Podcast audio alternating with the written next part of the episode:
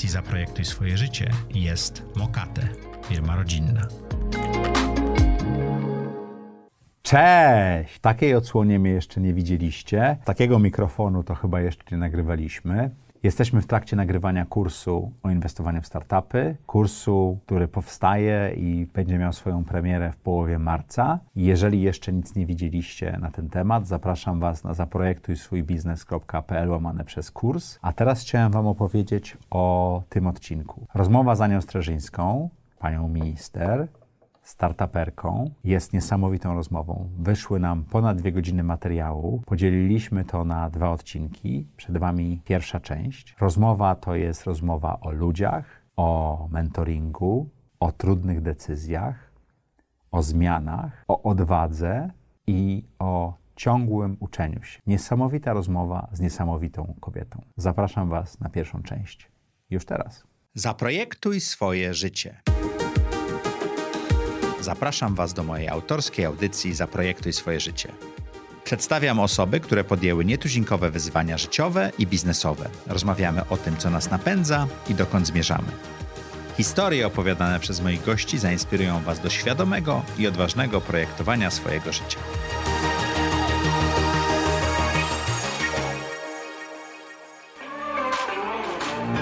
Jeśli szukasz swojej drogi, nie wahaj się. Obierz właściwy kurs. Wyrusz na podbój świata z kursem inwestorskim Macieja Filipkowskiego i zostań aniołem biznesu. Zajrzyj na zaprojektuj swój biznes.pl łamane na kurs. Cześć! Witajcie w audycji Zaprojektuj swoje życie. Jak co tydzień w czwartek o czwartej zapraszamy dla Was interesujących gości, zadajemy im trudne pytania, zastanawiamy się, co ich napędza. Jeśli jesteście tutaj pierwszy raz, koniecznie dajcie nam lajka, zostawcie komentarz, algorytmy to bardzo lubią. Jeśli nie byliście jeszcze na Zaprojektuj swój biznes, a chcielibyście się dowiedzieć, jak inwestować w startupy, jak budować swój biznes, być w super społeczności, zapraszam Was bardzo serdecznie, a na zaprojektuj swój biznes.pl łamane przez kurs rusza mój pierwszy kurs o inwestowaniu w startupy. Polecam. A dzisiejszym gościem jest Anna Streżyńska. Bardzo mi miło. Dzień dobry, cześć. Bardzo się cieszę, że tutaj przybyłaś. Ja nie mogłem się doczekać tej, tej wizyty. E, masz niesamowitą historię do opowiedzenia, zupełnie inną niż większość naszych gości, co mnie zachwyca, bo właśnie możemy to wydobyć. Pozwól, że zadam Ci pytanie, które zadaję gościom na samym początku zawsze.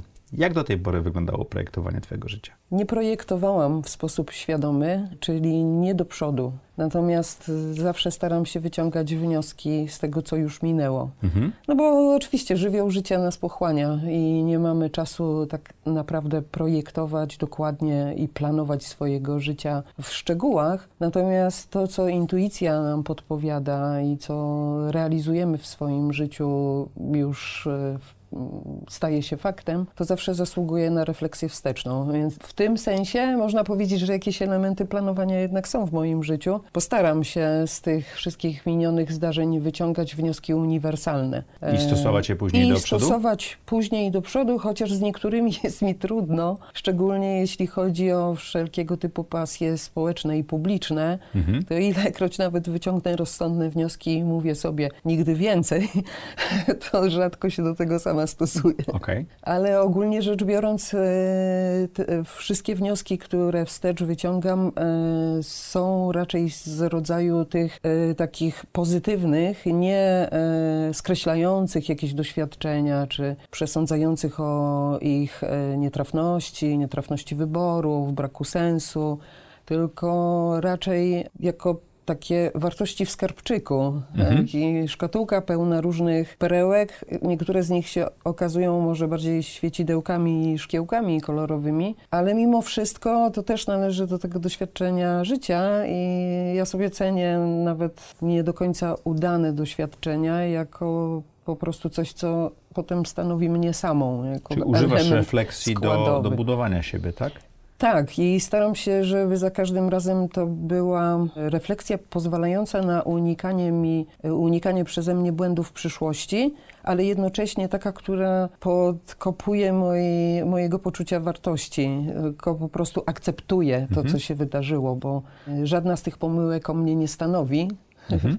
Tylko po prostu stanowi drogę mojego życia. A jak, jak masz refleksję dotyczącą sukcesów? Mhm. Bo ciężej się uczyć sukcesów, prawda? Z pomyłek to tak, mamy więcej czasu i tak, a sukces po prostu nam wyszedł, jesteśmy genialni. To jak, jak sobie z tym radzisz? Jak, jak, to, jak tego używasz? Ja w ogóle nigdy nie patrzę na sukcesy w takim jednostkowym wymiarze, mhm. E, bo e, w ogóle jestem tak, zaprzysięgłym introwertykiem i mam bardzo blisko postawioną granicę e, na ludzi wokół mnie. Czasami po prostu mam już przesyt, ale całe życie żyję w tłumach. Jest to pewnego rodzaju wyzwanie, które mnie nauczyło doceniać obecność tych ludzi właśnie w tych sukcesach, które mhm. odnosimy w życiu. Patrzę wstecz, to nigdy nie odniosłam samodzielnie sukcesu. Okay. To zawsze, łącznie w ogóle z perspektywą sukcesu całożyciowego, gdzieś tam u podstaw tych wszystkich dobrych e, zdarzeń stoją ludzie, którzy poświęcili jakiś czas temu, żeby albo wesprzeć jakieś moje działania, albo wręcz w ogóle mnie ukształtować, bo od tego mhm. Pewnie bym zaczęła, że miałam świetnych mentorów. E, może wtedy mało świadomie uważałam ich za mentorów, ale wstecz patrząc, mieli bardzo mocny wpływ na moje życie. No a potem wszystko, co robiłam, szczególnie w moim życiu akurat się tak zdarzyło, że z reguły to były rzeczy o jakiejś dużej skali, no to one wymagały obecności ludzi. Po prostu nie da się zrobić rzeczy ważnych, wielkich bez innych ludzi. I w związku z tym zawsze ten sukces dzielę na te, na te wszystkie osoby, których praca czy doświadczenie, czy czasami nawet podstawianie mi nogi składało się na y, jakieś dokonania. W związku z tym jest z sukcesami w pewnym sensie łatwiej, bo nie zatrzymuje się mhm. nad nimi. Zresztą też, jak pewnie mój wspólnik by tutaj zaklaskał, rzadko co mnie satysfakcjonuje. Okay. I błyskawicznie mówię więcej. I nawet jak coś wyjdzie, to, to mogło wyjść lepiej, tak? Tak, i to jest pewnie nieznośne dla tej gromady, w której pracuję, że właśnie mniej, mniej doceniam, rzadko się nad tym zatrzymuję, bardzo rzadko świętuję i zawsze mi mało. I ten perfekcjonizm często też zabija i mnie, i biznesy, i relacje międzyludzkie. Mam tego świadomość, że jest nieznośny. I ten głód na to, żeby więcej, szybciej, dłużej, bardziej, e, też wprowadza często mnie w jakieś takie e, spory międzyludzkie. Na moim e, LinkedInie to wiele rzeczy się dzieje właśnie z powodu tego, że ludzie, znajomi, przyjaciele i zupełnie obce osoby kwestionują chociażby moje podejście do pracy. Mhm. Takie rzeczywiście pracocholiczne, całkowitą tego świadomość właśnie to więcej powoduje, że ludzie mówią nie, są inne rzeczy w życiu. Które warto. Skąd się wzięło twoje podejście do pracy takie? Nie wiem, ja chyba mam w ogóle to w charakterze, że jestem taka całościowa, że jak coś robię, to już tak po prostu mhm. na full i z głową do przodu się rzucam i zapominam o Bożym świecie. Ale trochę też mój tata taki był, ponieważ był pierwszą taką najważniejszą osobą w moim życiu. Bardzo dużo wzorców obserwuję zaczerpniętych z niego. Już teraz bardziej świadomie, ale kiedyś e, po prostu chłonęłam jego postawę życiową, mhm. jego podejście do rzeczywistości tej społeczno-politycznej, właśnie pracy, to w jaki sposób brał na siebie wszystko, co inni porzucali albo nie, nie robili dostatecznie dobrze. Jak po prostu e, był takim skromnym, cichym pracownikiem pracownikiem winnicy pańskiej e, i nigdy się o nic nie dopominał, ale właśnie bardzo pochłaniały go sprawy, które mu powierzono i był taki nadodpowiedzialny za nie. Też e, bardzo miał fajne podejście do innych ludzi, mhm. bo dbał o to, żeby oni się rozwijali przy nim. Mhm. I nigdy w żaden sposób nie, nie krytykował ich w sposób taki personalny, tylko najwyżej jakieś nieudane działania czy wydarzenia e, komentował. Tym przyciągał właśnie młodych do siebie, że pozwalał im nabywać tych doświadczeń, wyciągać wnioski i dawał ten feedback także negatywny, ale pełen szacunku. No i to jest coś, ja próbowałam raz bardziej, raz mniej udolnie naśladować w swojej karierze i co mi procentowało po prostu, mhm. bo e, ludzie chcą się czuć współsprawcami dobra, e, ale pod warunkiem, że się rzeczywiście rozwijają. czują współsprawcami, rozwijają się, mają poczucie, że coś w nich samych się zadziewa, a nie e, wtedy, kiedy są tylko wykonawcami poleceń i mhm. później nie widać ich spod tych wszystkich wypinających pierś do orderów. Być może to też było gdzieś tam się koniec końców kryło za tymi różnymi rzeczami, które udało nam się zrobić, czy w UKE, czy w ministerstwie. to zaraz dojdę, dojdę, dojdziemy do ministerstwa, bo chciałem cię zapytać, no, chciałem cię zapytać, skąd pomysł na studia prawnicze? Bo to trudne studia. To nie uwierzysz. Cóż, e, człowiek jak e, ma te 18 lat i pisze maturę, to jest w tym wieku, kiedy albo zostaje socjalistą, albo rewolucjonistą, albo mm, konserwatystą, ale takim skrajnym, albo wierzy, że w swoim życiu zbawi świat. Mhm. Różne tego typu rzeczy. Albo będzie kolejnym Billem Gatesem, czy kimś takim, tak? To, to nie. Ja na informatykę nie. szedłem, to tak miałem. Chyba jesteś młodszy ode mnie. Pokoleniowo to mi były bliższe klimaty społeczne, Okay. niż biznesowe, bo kiedy ja dojrzewałam, to można powiedzieć, że jeszcze biznesu w Polsce mhm. nie było takiego swobodnego. Nasze, pierwsze, nasze pokolenie jako pierwsze dostało w ogóle tę szansę, żeby mhm. coś zupełnie zmienić w swoim życiu i podejść do spraw biznesowo. Tylko w mojej rodzinie w ogóle nie było takiej tradycji i ja nie miałam od kogo nabrać tego apetytu. Wiedziałam, że się dzieje coś i że powinnam zadbać o ten taki potencjał swój mhm. nawet, języki, tego typu rzeczy, ale bardziej mnie pochłaniało to, co było moim wcześniejszym doświadczeniem, stan wojenny, taka działalność e, właśnie gdzieś tam młodych ludzi, którzy angażowali się w tak zwane podziemie. To było coś, co e, mnie ukształtowało, w związku z tym ja na prawo poszłam, żeby pomagać ludziom. Po trzech latach sama się z siebie śmiałam. E, jedyną osobą, Strasznie która... trudne studia, prawda?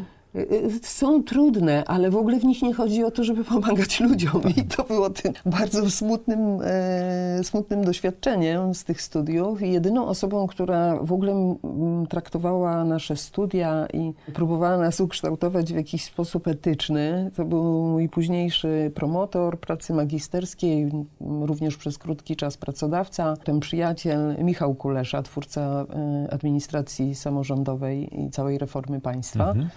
I on rzeczywiście w tych seminariach magisterskich poświęcał dużo czasu na to, żeby nam wytłumaczyć, jakie szanse przed nami stoją jako prawnikami, również na stanowiskach państwowych i jakie powinności się z tym wiążą. I to była jedyna próba ukształtowania nas jako ludzi moralnych, mhm. wykonujących zawód prawnika. Nikt więcej tego nie robił, więc tam naprawdę to, to trochę była taka szkółka, taki warsztat umiejętności wkuwanych często na pamięć, bardzo mało pojmowanych systemowo. I ja dopiero po latach, stykając się ze starszymi kolegami, profesorami, którzy wykonują ten zawód i wykonywali go hen dziesiątki lat wstecz, czasem nawet e, jeszcze pamiętając tych przedwojennych profesorów, mhm. to widziałam, że niektórzy prawnicy nie tylko znają na pamięć kodeksy i potrafią je klepać, ale oni w ogóle znają świat. Potrafią łączyć to i z systemem gospodarczym, i z y, naukami o społeczeństwie. I dla nich to się po prostu układa w całość. Całość Y, ale taką całość zdiagnozowaną, mhm. że wiedzą, co mają z tym zrobić mhm. jako prawnicy i jak tych swoich instrumentów używać, żeby powiedzmy zapewnić realizację nie tyle nawet samej sprawiedliwości, co słuszności. Mhm. Ja to bym odróżniała Jacek bardzo Dybuła mocno. tutaj był, opowiadał właśnie też troszeczkę o tym, a on pisze książki dla dzieci również, także to też jest niesamowite. No, to świetna postać jest. Tak. Y, ja też później właśnie miałam szczęście poznać jednego z y, pracowników uniwersyteckich, który wytłumaczył mi, jak już byłam y, po doświadczeniach w Urzędzie Komunikacji Elektronicznej, że to, co ja robiłam, to jemu się wydało głęboko interesujące z punktu widzenia zawodowego, ponieważ realizowałam zasadę słuszności. Mhm. To tam nie była wtedy nowość, ale jak sobie to y, przemyślałam, to doszłam do wniosku, że rzeczywiście o to chodzi, żeby nie zajmować się prostą sprawiedliwością, tylko tym, co jest słuszne, niekoniecznie wcale zawsze sprawiedliwe. Mhm. I faktycznie nam, nam, się udawało, mm, praca w UKE w ogóle polegała na rozstrzyganiu sporów o miliardy złotych, więc mhm. generalnie faktycznie trzeba było poszukiwać tej słuszności. I ona nie zawsze była prosta. I to było właśnie czymś, co też mi się wydawało, że się wpisuje w tę narrację, którą mi wpajał i tata, i później profesor Kulesza, i później kolejny mój mentor w pierwszej pracy, żeby poszukiwać tego czegoś, co jest jakąś taką racją bytu. Skąd pomysł na pracę w administracji? Kwestia O, mentora? To był typowy przypadek. Okej. E, Pierwsza praca, poszukiwanie po gazetach i po różnych ogłoszeniach. Zresztą wtedy jeszcze nie było to takie proste, Mhm. bo to był 95 rok. Nie była to też tak stricte pierwsza praca, Mhm. ale pierwsza po studiach, pierwsza regularna, całoetatowa. I trafiłam na ogłoszenie y, Urzędu Ochrony Konkurencji i Konsumentów. Wówczas to się nazywało Urząd Antymonopolowy. Podobała mi się idea. Ochrona konkurencji to było coś, co w tym świecie, jednak wtedy opanowanym mocno przez monopole, y, wydawało mi się, że to będzie świetny wiatrak do, dla takiego mm, Don Quixota jak ja. I będzie można tam rzeczywiście coś zrobić w takiej większej właśnie skali, żeby nie zajmować się drobnymi sprawami, Mhm.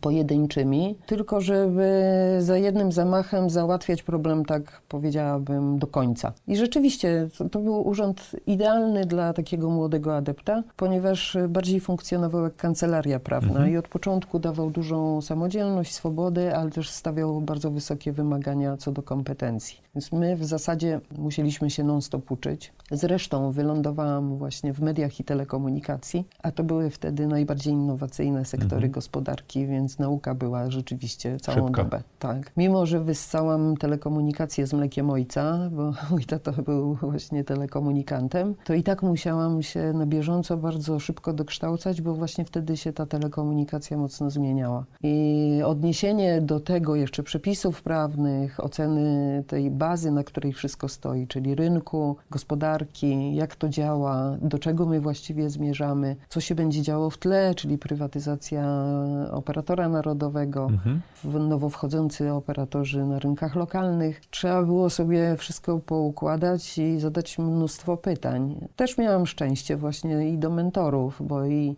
mój bezpośredni zwierzchnik i prezes ówczesny urzędu mm, pasjonowali się tą, tą dziedziną również. Dawali mi bardzo dużo swobody, a jednocześnie współuczestniczyli w tych procesach decyzyjnych w taki sposób, że potrafili mi też zadawać pytania, które wywoływały u mnie dalszy proces myślowy. Bo nie ukrywajmy, no ja wtedy byłam jeszcze dzieciakiem po studiach, Mhm. więc ta, ten nadzór mentora był bardzo cenny i bardzo potrzebny. Bez nich bym Jak dobierałaś sobie mentorów? Czy to raczej oni dobierali ciebie?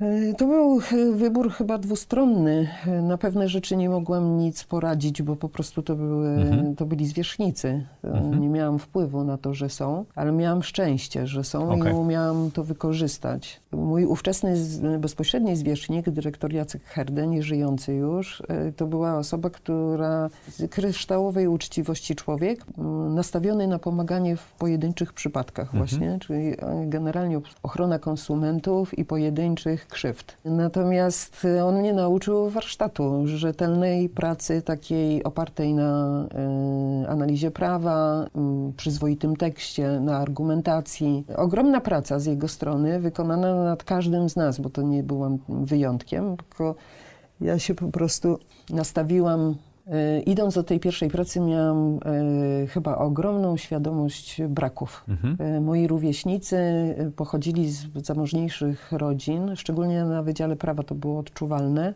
też czasem z tradycjami prawnymi, ale przede wszystkim byli lepiej przygotowani do zawodu, e, więcej świata widzieli, mieli lepsze środowiska takie właśnie chociażby zawodowe rodziców i e, znali języki. Mhm. U nas w domu się tak bardzo nie przelewało, że na wszystkim rodzice oszczędzali, więc po prostu przyszłam niedorobiona na te studia. Mhm. Na studiach różnie bywało, ale to jeszcze był okres, kiedy właśnie angażowałam się w jakąś działalność publiczną, więc tam powiedzmy, że studia jeszcze z poczuciem tego, że jednak nie będę zbawiać świata, to jakoś przebrnęłam, ale później jak szłam do pracy, to wiedziałam, że tak dużo nie wiem i takie mam duże braki z tego okresu młodości, że muszę bardzo dużo pracować. I, to, jest była ten moja pracoholizm, decyzja. który zaczęłaś używać, tak? Tak, i to w pewnym sensie musiało gdzieś być też w charakterze, Mhm. ale w dużym stopniu zostało po prostu wyuczone i wyćwiczone w okresie tej pierwszej pracy i następnych. Że muszę więcej włożyć niż inni, żeby cokolwiek z tego Mhm. wyjąć. Wyjąć w sensie nawet progresu zawodowego. I faktycznie, jak wszyscy już szli do domu, to ja zostawałam i pracowałam. Brałam na siebie więcej spraw, żeby nabrać więcej doświadczenia i w bardziej różnorodnych. Drugą rzeczą, o której się bardzo szybko przekonałam, to to, że wiedza spoczywa we wszystkich miejscach, które nie są mną, a głównie w ludziach, którzy nie są mną. W związku z tym stałam się najbardziej otwartym urzędnikiem tego urzędu. Będąc introwertykiem równocześnie, tak? Będąc introwertykiem i zasadniczo w ogóle urzędy nie są po to, żeby były otwarte na rozmowy z innymi ludźmi. To jest często nawet wręcz źle widziane, bo traktowane jako pole do korupcji. Mhm. A tymczasem wiedza o rynku telekomunikacyjnym, o technologiach, o mechanizmach ekonomicznych była absolutnie poza urzędem. Wszystko było w rękach praktyków. I e, ta otwartość mi zaprocentowała. Na szczęście nikt mi tego w żaden sposób nie zablokował, ale ta otwartość zaprocentowała w ten sposób, że ja po prostu tak jak z książek czytałam z tych innych ludzi, błyskawicznie wkuwałam to wszystko.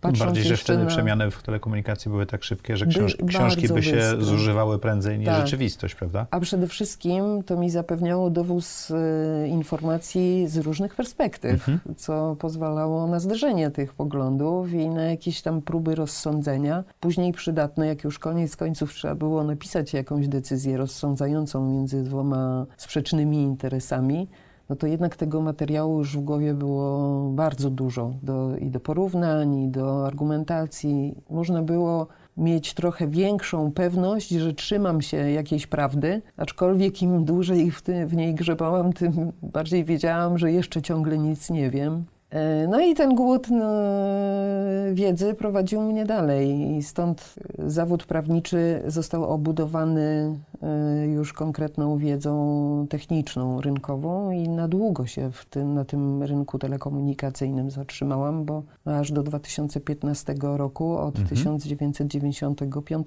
czyli dzi- 20 lat. No i cała, e, cała przemiana telekomunikacyjna w Polsce to była część twojej kariery.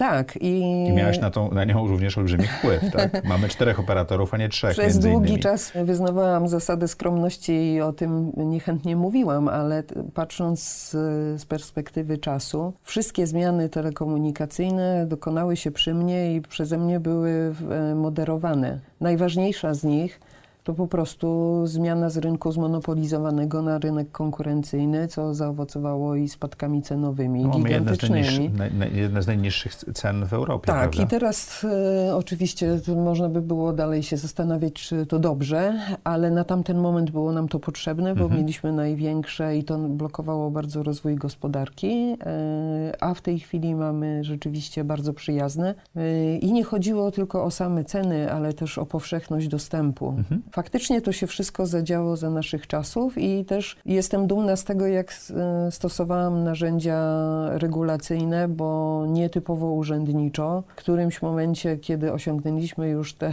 konieczne efekty, wyciskane brutalnie, nie ma co się oszukiwać, decyzje były naprawdę twarde, e, to... Bi- biznes nie był Nie twoim był kibicem, prawda? Nie, nie, nie, nie, nie.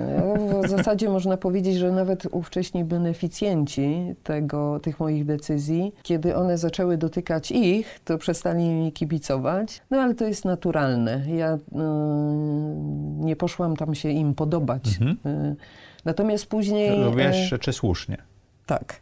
Później natomiast uznałam za słuszne zmianę kierunku y, czy sposobów działania i e, poszukanie sposobów porozumienia z rynkiem, co jest dla administracji w ogóle nietypowym rozwiązaniem, ale uważam, że to było rozwiązaniem najlepszym możliwym, dlatego że wszyscy ci uczestnicy, to, to bardzo specyficzny rynek, gdzie wszyscy się znamy, znamy wszyscy zmieniamy miejsce pobytu pomiędzy organizacjami. Ale I osoby rozmowy pozostają. O, tak, osoby pozostają, interesy się zmieniają, osoby zaangażowane są osobami bardzo merytorycznymi, z bardzo dużym doświadczeniem i nie ma potrzeby używania e, zawsze narzędzi przymusu i e, egzekucji takiej administracyjnej. Poszukanie ścieżek nietypowych dla administracji, porozumienia administracyjnego, czyli porozumienia administracji z biznesem,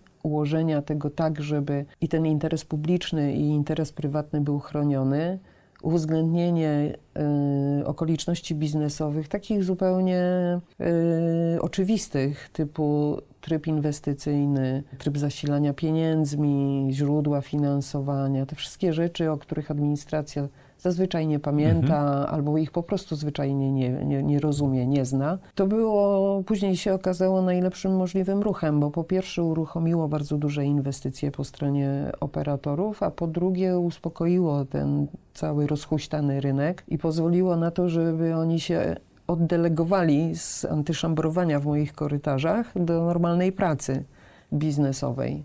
E, ja już wtedy zaczęłam się wycofywać mhm. z tego ręcznego sterowania, żeby oni mieli czas okrzepnąć, dogadać się, żeby wrócić się na normalne, tak, no, no, na normalne mhm. działania biznesowe, bo wiedziałam, że po pierwsze regulator, regulator nie jest wieczny i nie może nawet być wieczny, bo administracja powinna tylko interweniować, jak jest naprawdę wyraźna potrzeba, nie non-stop czymś sterować. Teraz e, mamy więcej tego takiego państwowego, centralnego sterowania i widać, że że mechanizmy rynkowe źle to tolerują. Mhm. I to jest rzecz oczywista, niezależna od tego, kto jest przy władzy, y, że gospodarka musi sobie dawać radę sama. Mogą być jakieś działania korygujące, ale potem y, ona musi po prostu je przetestować jest i taka, pokazać, czy były słuszne. Jest taka słynna rozmowa zarządzających w sowieckiej, w Związku Sowieckim, zarządzających Moskwą, z merem Londynu o tym, jak, jak, jak mer Londynu powoduje, że co rano są bułki w piekarniach, tak? Kiedy mer Londynu nie miał o tym zielonego pojęcia. No Rynek to wyregulował, prawda? No właśnie i y, myśmy też chcieli, żeby to zaczęło w ten sposób działać, co oczywiście wiązało się z tym, że powstaną inne problemy, mhm. typu rynek nie jest zainteresowany inwestowaniem tam, gdzie pieniądze się nie rodzą. W związku z tym trzeba będzie znaleźć trochę inne rozwiązania ale było się na czym wzorować i to e, nadal wymagało po prostu tylko jednego otwartości na naukę, e, płynącą ze wszystkich spojrzysz stron. na te 20 lat w administracji z perspektywy teraz, jaki to był okres dla ciebie? Nauki. 20 lat? 20 Bardzo długie studia. Tak. co, co więcej, niezakończone. E, tak, kiedyś nawet opłaciłam cegiełką e, pomnik na terenie naszej alma mater, czyli Uniwersytetu Warszawskiego. E, miał powstać pomnik wiecznego studenta.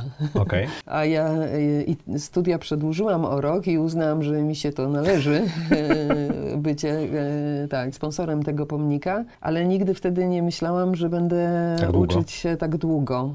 Na szczęście te rynki, w których ja funkcjonuję, to są rynki, które po prostu nie odpuszczają. Albo mhm. człowiek się uczy, albo z nich wypada. To mhm. po pierwsze. Po drugie, fascynujące rzeczy się dzieją i już się nie da tego ogarnąć jedną głową. Co powoduje, że trzeba być w kontakcie z tymi, którzy ogarniają te różne wyspy specjalistyczne i syntezę przerzucają mi na przykład na mediach społecznościowych, czy właśnie w jakichś podcastach, czy w innych e, formach, żebym mogła to pigułkowo przyswoić i cały czas pozostawać systemowo uświadomioną, a jak będzie mi potrzebna jakaś bardziej szczegółowa wiedza, to mniej więcej wiem, gdzie szukać, wiem, z kim rozmawiać i rozumiem, jak to co do zasady działa, e, więc wiem, jak później poszukiwać tych e, bardziej szczegółowych wyjaśnień. E, no i to cały czas jest nauka, w tym nauka, powiedziałabym, budowy takiej wielkiej ludzkiej biblioteki. Mhm. Potwierdza się to, co od samego początku się potwierdzało, czyli że to ludzie dookoła nas są źródłem całego naszego życiowego sukcesu. Po prostu. To skąd pomysł, czy też odwaga, żeby z administracji przerzucić się do rządu? Pierwsza rzecz to, jak się spojrzy na daty w moim kalendarzu życiowym, to pół na pół to jest biznes i administracja. Mhm. Większość ludzi mnie kojarzy z administracji, mhm. bo ona zapewnia mi widoczność. Oba te miejsca zapewniają mi wiedzę, która mhm. jest potrzebna, żeby na tych rynkach funkcjonować. I e, w biznesie to, co robiłam, to były zarówno wielkie firmy, korporacje wyposażone w miliardy złotych i budujące duże infrastruktury, jak i mój startup. A w administracji też chciałam mieć tę wiedzę zarówno taką sprawczą, wynikającą z regulacji, które są po prostu zastosowaniem prawa, jak i z tej części, która jest kreacją prawa czyli e, tego, co robiłam bardziej w ministerstwie. Akurat ministerstwo było specyficzne i tam jeszcze były konkretne zadania dotyczące cyfryzacji. No to po prostu projekty jedna z największych przemian. E, tak. Tak, i bardzo się cieszę, że brałam w tym udział. Ona nawet przysłoniła ten mój pierwotny plan reformy systemu prawa, e, który okazał się też e, słabo realizowalny ze względu na silosowość administracji i trudności w dogadaniu się z wszystkimi partnerami administracyjnymi. E, za to w obszarze cyfryzacyjnym, tam gdzie rzeczywiście to mięso powstawało i gdzieś tam się tam bardzo przydało w koronawirusie, że jesteśmy całkiem nieźle scyfryzowani, to były właśnie konkretna robota do zrobienia, to co ja lubię najbardziej, czyli nie taka widowiskowa, że gdzieś tam muszę w Sejmie gadać albo Przecinać występować wstęgi, w tak? telewizji tak? i opowiadać różne e, wielkie strategie, tylko konkretne prowadzenie konkretnych projektów, w których ja zawsze starałam się być po prostu obecna e, w sposób wykonawczy, czyli nie tylko kierować e, zespołami projektowymi, ale uczyć się tego z kolei, co tam się dzieje. Informatyka okazała się bardzo trudnym rzemiosłem, trudniejszym do przyswojenia niż administracja, przede wszystkim nowym. Też ja nie byłam już taka młoda i taka chłonna i te, takiej łatwości przyswajania. I tych godzin też to nie, nie da się wytrzymać, prawda? I, ale przede wszystkim właśnie e, tego się okazało dużo. 50 projektów, które my sami pro, pro, e, prowadziliśmy, a dziesiątki innych, które nadzorowaliśmy. Więc było naprawdę bardzo dużo pracy. No ale też to było tak fascynującą przygodą, że postanowiłam w tym zostać na, na dłużej. Mhm. I później to wyjście e, na rynek e, było decyzją świadomą. Natomiast przejście z tej administracji stosującej prawo do tej administracji tworzącej. cyfryzacyjnej, tworzącej prawo, ale też właśnie politycznej, to mnie samą przerosło. Ja się w ogóle czego innego spodziewałam. Polityka cię przerosła? Tak, zupełnie nie miałam takich umiejętności. Okej, okay. czyli bycie w administracji państwowej nie daje ci doświadczeń politycznych, prawda? Tak dużo. Daje, ale inne, bo ta administracja stosująca prawo daje doświadczenie w zakresie stosowania prawa i formułowania postulatów do ustawodawcy. Przy czym rola tej e, administracji stosującej prawo jest duża w procesie stanowienia prawa, bo przeważnie pierwsze projekty powstają właśnie u nas. Mhm. Jako prezes UKE wręcz w ogóle inicjowałam i i napisałam i ostatecznie przeprowadziłam przez parlament ustawę o inwestycjach w telekomunikacji, która bardzo uprościła te procesy inwestycyjne, opierając się na doświadczeniu właśnie inwestorskim i na całym tym bolesnym procesie e, budowy sieci. Mhm. Ale mimo wszystko byłam odcięta od tych rozgrywek politycznych, od tych e, wymagań e, tak zwanej gry drużynowej, czyli udawania, że coś jest białe, jak jest czarne, od wszystkich tych e, wymagań, które w ogóle gdzieś tam Pierwsza rzecz, że mi fundamentalnie nie pasowały, a druga rzecz, że nie rozumiałam po prostu ich znaczenia mhm. i uważałam, że rzeczy się same bronią, że jak coś jest słuszne, po prostu trzeba to zrobić, a nie dyskutować. I e, miejsca, gdzie znaki zapytania stawia polityka, były dla mnie szokujące, bo to trochę tak, jakby było pytanie, czy jest sens rano wstać i iść do pracy. Ale w polityce wszystko może dostać znak zapytania, nawet rzeczy bardzo oczywiste, z jakichś absurdalnych zupełnie powodów. I człowiekowi niedoświadczonemu, tak jak ja, bardzo dużo czasu rozkodowanie Dlaczego ten znak zapytania tam jest? Co on oznacza? Kto go postawił? Dlaczego go postawił? Na co ma wpływ? Co zamierza mi zrobić? E, to takie podstawianie nogi, ten, mm, w ogóle takie pojęcia typu Streżyńska poległa, bo nie miała zaplecza politycznego. Jak szłam tam, to w ogóle mi przez myśl nie przeszło. Że potrzebujesz zaplecza że ja jakiegoś zaplecza politycznego potrzebuję, skoro jestem merytoryczna, a rzeczy, które mam zrobić są merytoryczne, ponad podziałami, bo wszystkim nam są potrzebne potrzebne i ja nie będę żadnej polityki tam uprawiać, tylko będę po prostu Okazało się, że miałaś uprawiać robić. politykę. Okazało się, że tak, że każdy z nas ma te zadania politycznego wspierania jakichś tam e, celów politycznych i że tego się, raz, że tego się nie da uniknąć, nawet opakowując to trochę tak jak my, no, to co zrobiliśmy na początku, czyli e, wprowadzenie banków do systemu autoryzacji wniosków i uwierzytelniania, czyli proces e, podpisu i profilu zaufanego przez banki, to było bardzo pragmatyczne zadanie.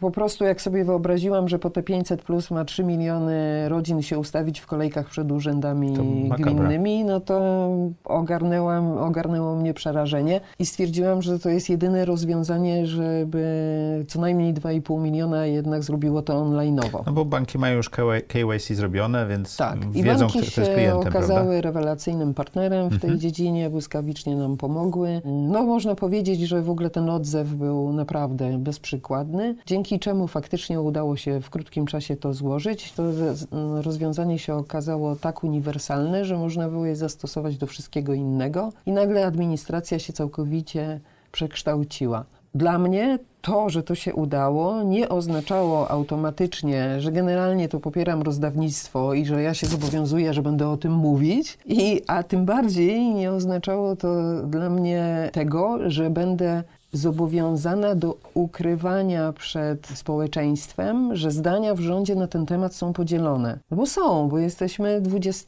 dwu- 22 raczej. różnymi w osobami. W korporacjach czy w firmach dużych jest normalne, że są różne zdania. tak. To jest siła wręcz. Wręcz. e, właśnie, zarządów, prawda? Właśnie. No ale pierwsza, jakby pierwsze zbesztanie, które dostałam jako członek rządu, to było właśnie za to, że powiedziałam, że była na ten temat dyskusja i osobiście jestem e, wyznawcą tezy, że najpierw e, trzeba odłożyć na czarną godzinę, potem zainwestować w rozwój, a dopiero potem wydawać na e, rzeczy no, niekoniecznie pierwszorzędne. No i wtedy dotknęła mnie ta ręka polityki po raz pierwszy, bo do tamtego czasu udawało mi się szczęśliwie nawigować tylko i wyłącznie merytorycznie. No i wtedy się przekonałam, że polityka jest e, tym, co jest ponad tymi szczytnymi pomysłami na cyfryzację kraju. No a potem to już e, było wiele takich przykładów, e, które pokazywały, że nie zawsze pod tym samym rozumiemy to samo, że cyfryzacja pomieści cyfryzację na rzecz służb publicznych i inwigilacji obywateli i pomieści Polskę cyfrową dla obywatela, że pomieści e, rozwiązania, które są systemowo połączone i obejmują całość rzeczywistości administracyjnej, tak żeby człowiek od wniosku do decyzji wszystko mógł załatwić cyfrowo i pomieści rozwiązania wyspowe, które powodują, że część możemy zrobić cyfrowo, a część musimy wziąć w zęby i lecieć z opłatą skarbową jeszcze tam od, odsiedzieć pół godziny w urzędzie. Te wszystkie takie informacje, cała ta wiedza, dlaczego to tak działa, kto jest graczem w tych różnych rozgrywkach politycznych, jaka jest rola też na pozór w ogóle niepolitycznych organów typu samorząd terytorialny w konserwowaniu różnych złych rozwiązań, no to ja się tego wszystkiego na plecach swoich uczyłam i zawsze się śmieję, że zazdrościć roli ministra to może tylko ten, kto nigdy tych siniaków i ran nie miał, bo to jest naprawdę, to jest miejsce, w którym trzeba mieć bardzo grubą skórę, a e, też e, w pewnym sensie najbardziej bolesną rzeczą jest to, że nie można zrealizować swojego planu. Bo on zazwyczaj jest za duży, prawda? Przede wszystkim I jest pewna... to jest trudna w ogóle decyzja pójście do administracji, bo jeżeli człowiek jest kompetentny i przygotowany do swojego zawodu, to wszędzie będzie miał łatwiejsze i bardziej finansowo korzystne życie. I pewno bardziej satysfakcjonujące. Bardziej satysfakcjonujące, bardziej proste, mniej tego bagna i jeszcze na dokładkę y, czas dla rodziny, różne rzeczy. Może z wyjątkiem startupu.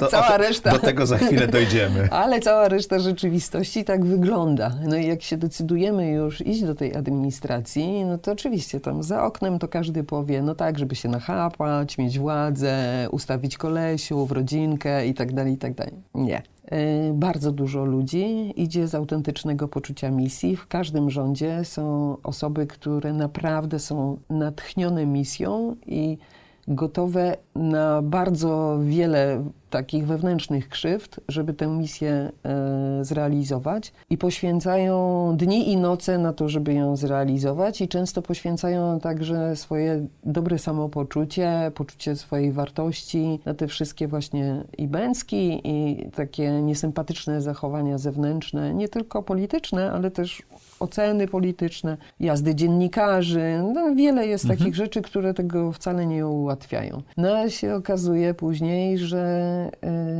y, wyobrażamy sobie to systemowe, idealne rozwiązanie, ale nigdy nie jesteśmy w stanie go wykonać, bo jest za dużo Podobnie graczy. Podobnie jak w startupie podobnie jak w startupie, ale z bardziej absurdalnych względów mhm. niż w startupie. Z takich, których czasami w ogóle kompletnie nie możemy zrozumieć. I to jest y, to, co, co się wynosi później, że u mnie na przykład, to ja zauważyłam, że to na cztery lata bardzo mocno mnie do ziemi przycisnęło. Psychicznie? Psychicznie, że to, co wiele osób mi mówi, że byłam bardzo dobrym ministrem cyfryzacji, Polska się zmieniła, ten start y, w stronę cyfryzacji przez obywatela i inne nasze projekty związane właśnie z profilem zaufanym, podpisem zaufanym i tak dalej, to dostaliśmy naprawdę rozpędu i mogę być z tego dumna, a po dwóch latach nam przerwali, więc mhm. tym bardziej możemy być dumni, że tyle się udało. A ja na to patrzyłam cały czas jak na gigantyczną porażkę.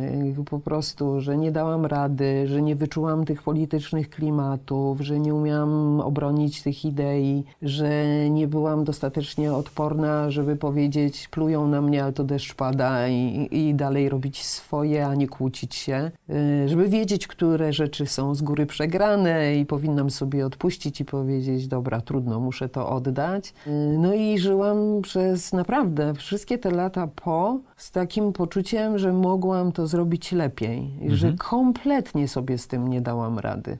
A to jest coś, co naprawdę daje y, bardzo dużego kopa w system tutaj. Ale jeżeli spojrzysz na Polskę i społeczeństwo scyfryzowane, to my nie jesteśmy na szarym końcu, wręcz, nie. wręcz przeciwnie, tak. prawda? Jesteśmy w bardzo dobrym y, miejscu i jako społeczeństwo jesteśmy bardzo otwarci na innowacje. Chociażby płatności mamy... zbliżeniowe, tak. które przyjęły się w Polsce tak. niesamowicie tak. szybko, szybciej niż w wielu miejscach na świecie. Jak najbardziej. Zarówno biznes, jak i administracja u nas całkiem dobrze stoją, niezależnie od tych wszystkich różnych rankingów, raportów i tak dalej, bo zależy, co się jako wskaźniki przyjmie. I w mhm. jednym raporcie wypadamy super, a w drugim, jak ktoś nam chce dołożyć, to tak to wybierze wskaźniki, że wyglądamy y, zupełnie średnio, ale nikt nam nie odmawia tego, że zrobiliśmy duży postęp. Oczywiście Europa, która wcześniej zaczęła ten postęp robić, już się też znowu odsadziła od nas, więc my mhm. w pewnym sensie zawsze będziemy trochę w ogonie. Natomiast no, jak ja czytam w raporcie unijnym, że M-Obywatel jest najbardziej innowacyjnym europejskim rozwiązaniem i komisja mówi, że on świadczy o tym, że Polska mogłaby odegrać o wiele większą rolę w cyfryzacji, zdecydowała się odgrywać, no to mówię, jest potencjał. Zrobiliśmy naprawdę fajne rzeczy. I to, to po prostu wymaga kontynuacji, koordynacji tych wszystkich działań i paru takich decyzji, które już wtedy były trudne mhm. i teraz nadal są trudne. Cyfryzacja też nie jest teraz na topie i yy, nie ma nawet żadnego takiego własnego, stuprocentowo samodzielnego gospodarza, bo to wszystko się zatrzymuje na poziomie sekretarza stanu, niezależnie od tego, że premier jest tytularnym ministrem cyfryzacji, ale no to, to jest tylko i wyłącznie tytuł. I te decyzje cyfrowe wcześniej podejmowane nam się przydały w pandemii dzięki temu, że była i telekomunikacja I przygotowana, e-recepta. cyfryzacja jako taka, mhm. czyli e-recepta, profil zaufany, podpis zaufany, M-Obywatel i inne rzeczy, które, dowód osobisty, inne rzeczy, które nam pomagają w, tej, w tym byciu online, to myśmy znakomicie przeszli przez to. Wyobrażam sobie, że bez tego byłoby po prostu o wiele, wiele trudniej prowadzić biznes i prowadzić swoje relacje z administracją i życiowe sprawy załatwiać, a udało nam się i mało kto może w tej chwili jeszcze o tym pamięta, bo jesteśmy jeszcze w toku wojny z wirusem. W którymś momencie na pewno ta refleksja przyjdzie i być może też przyjdą decyzję o tym, że w takim razie jednak się zaawansujmy jeszcze Mhm. bardziej, bo to już się tego nie zawróci, tej Wisły i już zawsze będziemy raczej domyślnie cyfrowi. Tak, ja muszę powiedzieć, że jako wiesz, prowadzący własną firmę i startuper i inwestujący w startupy, bardzo się dziwię, ale tak raz w roku zdarza mi się, że jakiś partner wymaga podpisania papierowej umowy i jest to dla mnie wtedy szokujące. Tak? Mi się to zdarza znacznie częściej. yy, I to czasami nawet ze strony takich firm, których bym w ogóle o to nie podejrzewała. Yy, Natomiast przekonałam się, że to często dlatego, że tak inni robili, tak robimy i nikt nie poprosił, żeby było inaczej. Nawet na takim mega opornym partnerze po roku współpracy wymusiłam, a nosiłam faktury na pocztę. E, pa- papierowe.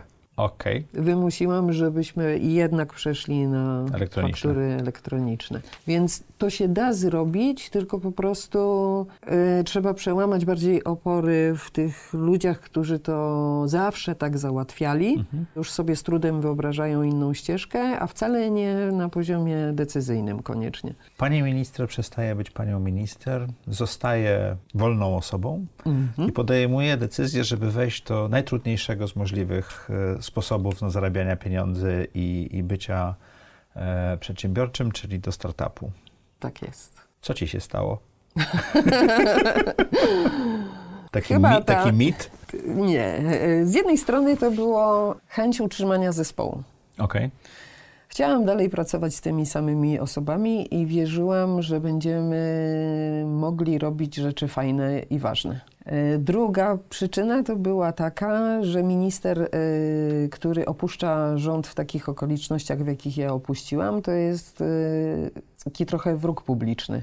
Niezatrudnialny. Niezatrudnialny, ale nawet nie niezatrudnialny, tylko przestaje istnieć w świadomości otoczenia Okej. ludzi. W ogóle jako nawet osoba, z którą można iść na kawę. To kiedyś ktoś mi powiedział, zobaczysz, y, będziesz mogła wrzucić do kibla swój telefon, bo on nie zadzwoni. I nie zadzwonił. I faktycznie tak było, że po prostu zapadła ciemność wokół mnie. Wiedziałam wcześniej już, że tak będzie, bo nie byłam pierwszy raz wyrzucana w ten sposób z administracji, z UKE po sześciu latach wprawdzie, ale też odchodziłam mniej więcej w podobnym e, Też z klimacie. Też z hukiem, więc e, wiedziałam już, jak to pachnie. Z drugiej strony wiedziałam, że to się różni tym, że wylatuje nie ze stanowiska merytorycznego, tylko politycznego i ocena publiczna jest taka, że minister to sam niczego nie robi, wszystko robią jego ludzie i żeby nie wiem, jak się starał być merytoryczny, to nigdy to nie zostanie dobrze ocenione. Z trzeciej strony alternatywą może by było, gdybym była w ogóle miłym, grzecznym człowiekiem i nie komentowała e, swojego odejścia, to być może gdzieś w nagrodę by była jakaś spółka Skarbu Państwa, ale ja sobie tego kompletnie nie wyobrażałam, bo nie ma takiej spółki, na której działalności się znam. A nie chcę być figurantem jakimś, który idzie, nie wiem, do energetyki i udaje, że wszystko wie o tym rynku i że zasługuje na miejsce w zarządzie. W związku z, z tym stwierdziłam, że no tak, znowu po wielu latach, po raz kolejny, jedyne co mam, to moje nazwisko i honor. I trzeba jakoś tym honorem zarządzić. Fantazja ołańska spowodowała, że stwierdziłam, że bycie jedną z najstarszych startuperek w Polsce to będzie całkiem fajny, e, fajne wyzwanie. I e, wydawało mi się, że skoro już prowadziłam swoją firmę, jednoosobową działalność gospodarczą, świetnie sobie radziłam, doskonale zarabiałam, potem prowadziłam spółki prywatne, inwestycyjne z budżetami po pół miliarda złotych, dwie jednocześnie w dodatku i zbudowałam 10 tysięcy kilometrów światłowodu, to znaczy, że ja po prostu umiem I robić po biznes. prostu zrobię, tak? Co? Łatwizna. Widziałem takiego faceta kiedyś w lustrze, też tak myślał po, po korporacjach, że zrobi. Łatwizna. A okazało no się... i okazało się, że nic bardziej mylnego. Chyba nie ma większego dopustu Bożego Krzyża i trudniejszego miejsca niż startup, zatrudniający zespół i...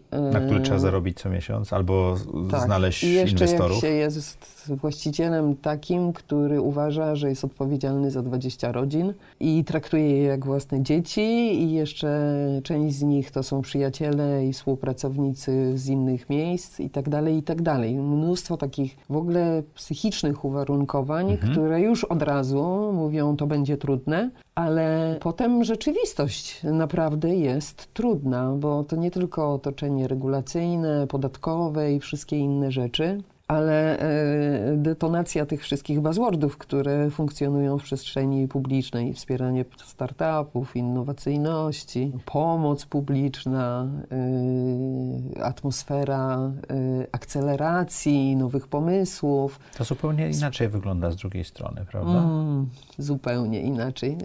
Mówiąc szczerze, zasługuje w ogóle na y, dogłębne analizy i opisy, nie tylko dla dobra wszystkich kolejnych pokoleń, ale tam się też kryją odpowiedzi na pytania, dlaczego ta nasza innowacyjność jest taka pozorowana mhm. i dlaczego prawdziwie dobre pomysły po, y, wychodzące z polskiego rynku startupowego, y, szukają finansowania poza granicami kraju albo w ogóle go nigdy, nigdzie nie znajdują, bo i takich y, startuperów znam. Y, no w tym czasie ja nadal jestem takim hubem dla środowiska. Dużo ludzi do mnie przyjeżdża ze swoimi pomysłami, radzą się, ale też opowiadają mi swoją ścieżkę i widzę, że to jest powszechny problem, że najlepsze pomysły i wcale nie mam tu na myśli własnego, tylko właśnie poznałam takie pomysły, które naprawdę kładą na łopatki, one prawie nigdy nie znajdują zainteresowania inwestorów, a już Inwestorzy zazwyczaj szukają nie w Polsce. prostych rozwiązań.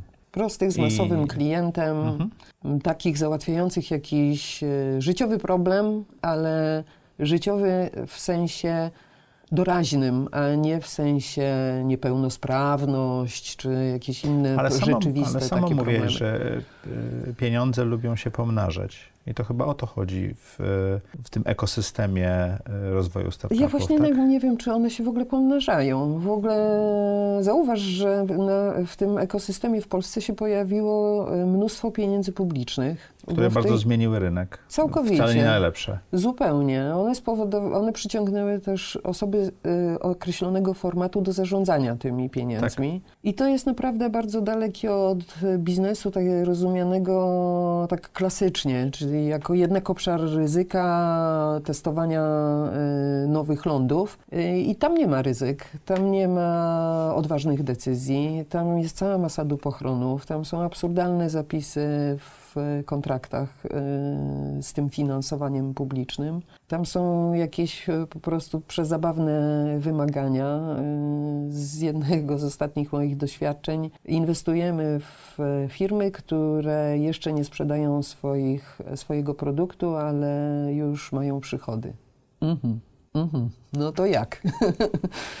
I, I podobne historie, powiedziałabym, e, pokazują, że to nie jest zdrowy rynek. W związku z tym. Ten rynek, który jest pompowany publicznymi pieniędzmi. Tak bo są startupy, mieliśmy takich tak. gości, którzy decydują się w ogóle nie, na nie pójście tą tak. ścieżką tak. i to działa. Tak. Jest wiele w ogóle ścieżek obejścia, mhm. E, żeby nie iść w te takie najbardziej e, uzależniające, ale też właśnie w takie chore regiony e, tego rynku. Tylko, że każdy startup prędzej czy później kończą mu się własne pieniądze. Fajnie, jeżeli funderzy mieli dużo własnych pieniędzy i je włożyli, ale zazwyczaj one też się już w końcu skończą. Poznaję takich bohaterów e, w swoim właśnie w swoich kontaktach, którzy sprzedali domy, żeby finansować swój biznes i wsparły ich w tym rodziny, współmałżonkowie, dzieci i tak dalej. No, naprawdę to są po prostu dla mnie... Mieliśmy takich founderów, którzy jedli ziemniaki, kaszę albo makaron tylko, bo nawet więcej ich nie było stać przez parę miesięcy. No tak, to naprawdę tam są historie autentycznego bohaterstwa i to czasami z Wyrzeczeń. bardzo fajnym produktem w tle, który absolutnie zasługuje na te wszystkie wyrzeczenia i powinien na końcu mieć wielki, wielki finał z fanfarami a wcale nie jest to powiedziane, że do niego dojdzie. No bo startupy przechodzą przez Dolinę Śmierci. Tak? tak. Czyli na początku, jak będziemy finansowani, jest hura i jest fajnie. Tak. Potem przez lata trzeba popracować i bywa bardzo różnie. Tak. To jest ta słynna Dolina Śmierci, w której bardzo wiele startupów nie wychodzi, a dopiero potem jest sukces. I niestety w tej Dolinie Śmierci ten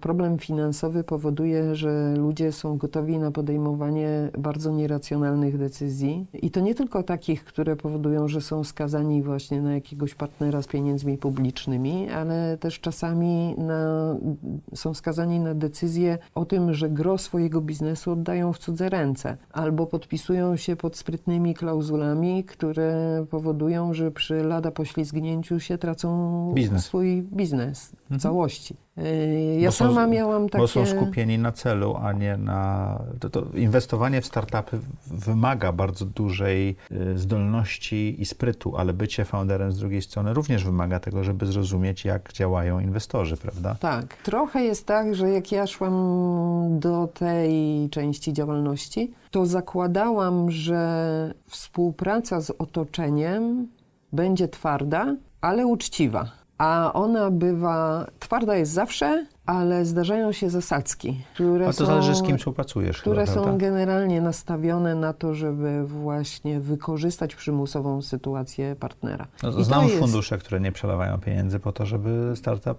y, zmiękł. Tak, ale tych sposobów jest mnóstwo, nawet nie ma sensu ich omawiać. Sposobów jest naprawdę mnóstwo, klauzul prawnych jest naprawdę mnóstwo. Część z nich poznałam we własnej praktyce. My przyjęliśmy zasadę opóźniania wejścia inwestora na dłużej, najdłużej jak się da. Również mm, po to, żeby trochę wzmocnić własną pozycję, ale też przede wszystkim, żeby dać sobie czas na tę wycieczkę po właśnie wszystkich funduszach, po inwestorach typu Business Angels, po, po inwestorach takich niestandardowych, crowdfunding i tak dalej, żeby poznać ten Ekosystem. rynek i ekosystem i rozkodować w pewnym sensie te uwarunkowania, które za nim stoją i które mogą później właśnie nam, nieświadomym zupełnie i takim entuzjastom naiwnym, spowodować jakieś e, kłopoty a nie tylko dlatego, że sami dbamy o własny interes. Właśnie poszukując tych środków na funkcjonowanie, zdecydowaliśmy się na crowdfunding i potraktowaliśmy to jako przejęcie odpowiedzialności za korzyści tych 850 osób, które nam na, w tym wczesnym etapie zdecydowały się pomóc. No i teraz to ja już nie patrzę na to, jak na to, że to ja stracę pieniądze. To już, nie jest, mnie 20, to już nie jest bardziej- 20 rodzin, prawda? to już, jest znacznie więcej. bardziej mnie interesuje to, że to jest 850 osób, z których bardzo duża część, nawet w niewielkich kwotach, ale inwestowała po to, żeby okazać personalnie mi swoje wsparcie, szacunek, takie kibicowanie Mhm. na tym nowym odcinku mojego życia. Więc bardzo osobista relacja. I, I wysokie ryzyko reputacyjne. Tak, jak najbardziej tak, ale też bardzo osobista relacja, bo ci wszyscy nasi crowdfundingowi inwestorzy, oni mają zwyczaj być z nami w kontakcie, więc my już ich po prostu znamy, rozpoznajemy, mimo że to 850 osób, rozpoznajemy z imienia i nazwiska. Oni nam często fajne rzeczy radzą, gdzieś tam dają jakieś kontakty, no to jest zupełnie inna, inny układ, inna relacja niż z jakimś anonimowym Ale to jest, też, to, to jest też to, co technologia umożliwia w tej chwili, prawda? Bo Tak. crowdfunding udziałowy Tak. jeszcze z 10 czy 15 lat temu nie byłby możliwy bez, Tak, bez ty- tych tak. zmian technologicznych. No i jesteśmy mimowolnymi świadkami rewolucji też takiej mentalnej, bo kiedy pierwszy raz się na to decydowaliśmy, to cała ta inicjatywa i w ogóle cała instytucja crowdfundingu to była tak trochę taka podejrzana wręcz. To, na to się decydowali w ogóle pierwsza rzecz, że bardzo odważni, dwa, no tak, w takiej atmosferze na, naciągactwa i e, platformy, które oferowały tę usługę były traktowane też jako trochę taki wróg publiczny, który wchodzi na obszary tradycyjnie zarezerwowane dla biur maklerskich, Banków banków, i inwestycyjnych. tak dalej. Więc, ale no my akurat chcieliśmy być konsekwentni również w tej innowacyjnej e, ścieżce i na to się zdecydowaliśmy i absolutnie tego nie żałujemy. To jest też element naszej właśnie przygody i jednocześnie taka kotwica, która trzyma nas w konkretnej ścieżce biznesowej, żeby cały czas tego biznesu wspólnego pilnować i cały czas decyzje podejmowane przez nas są z uwzględnieniem tej zmiennej, bardzo ważnej. Ona powoduje, że często się na coś nie możemy zgodzić, chociażby było znacznie łatwiej.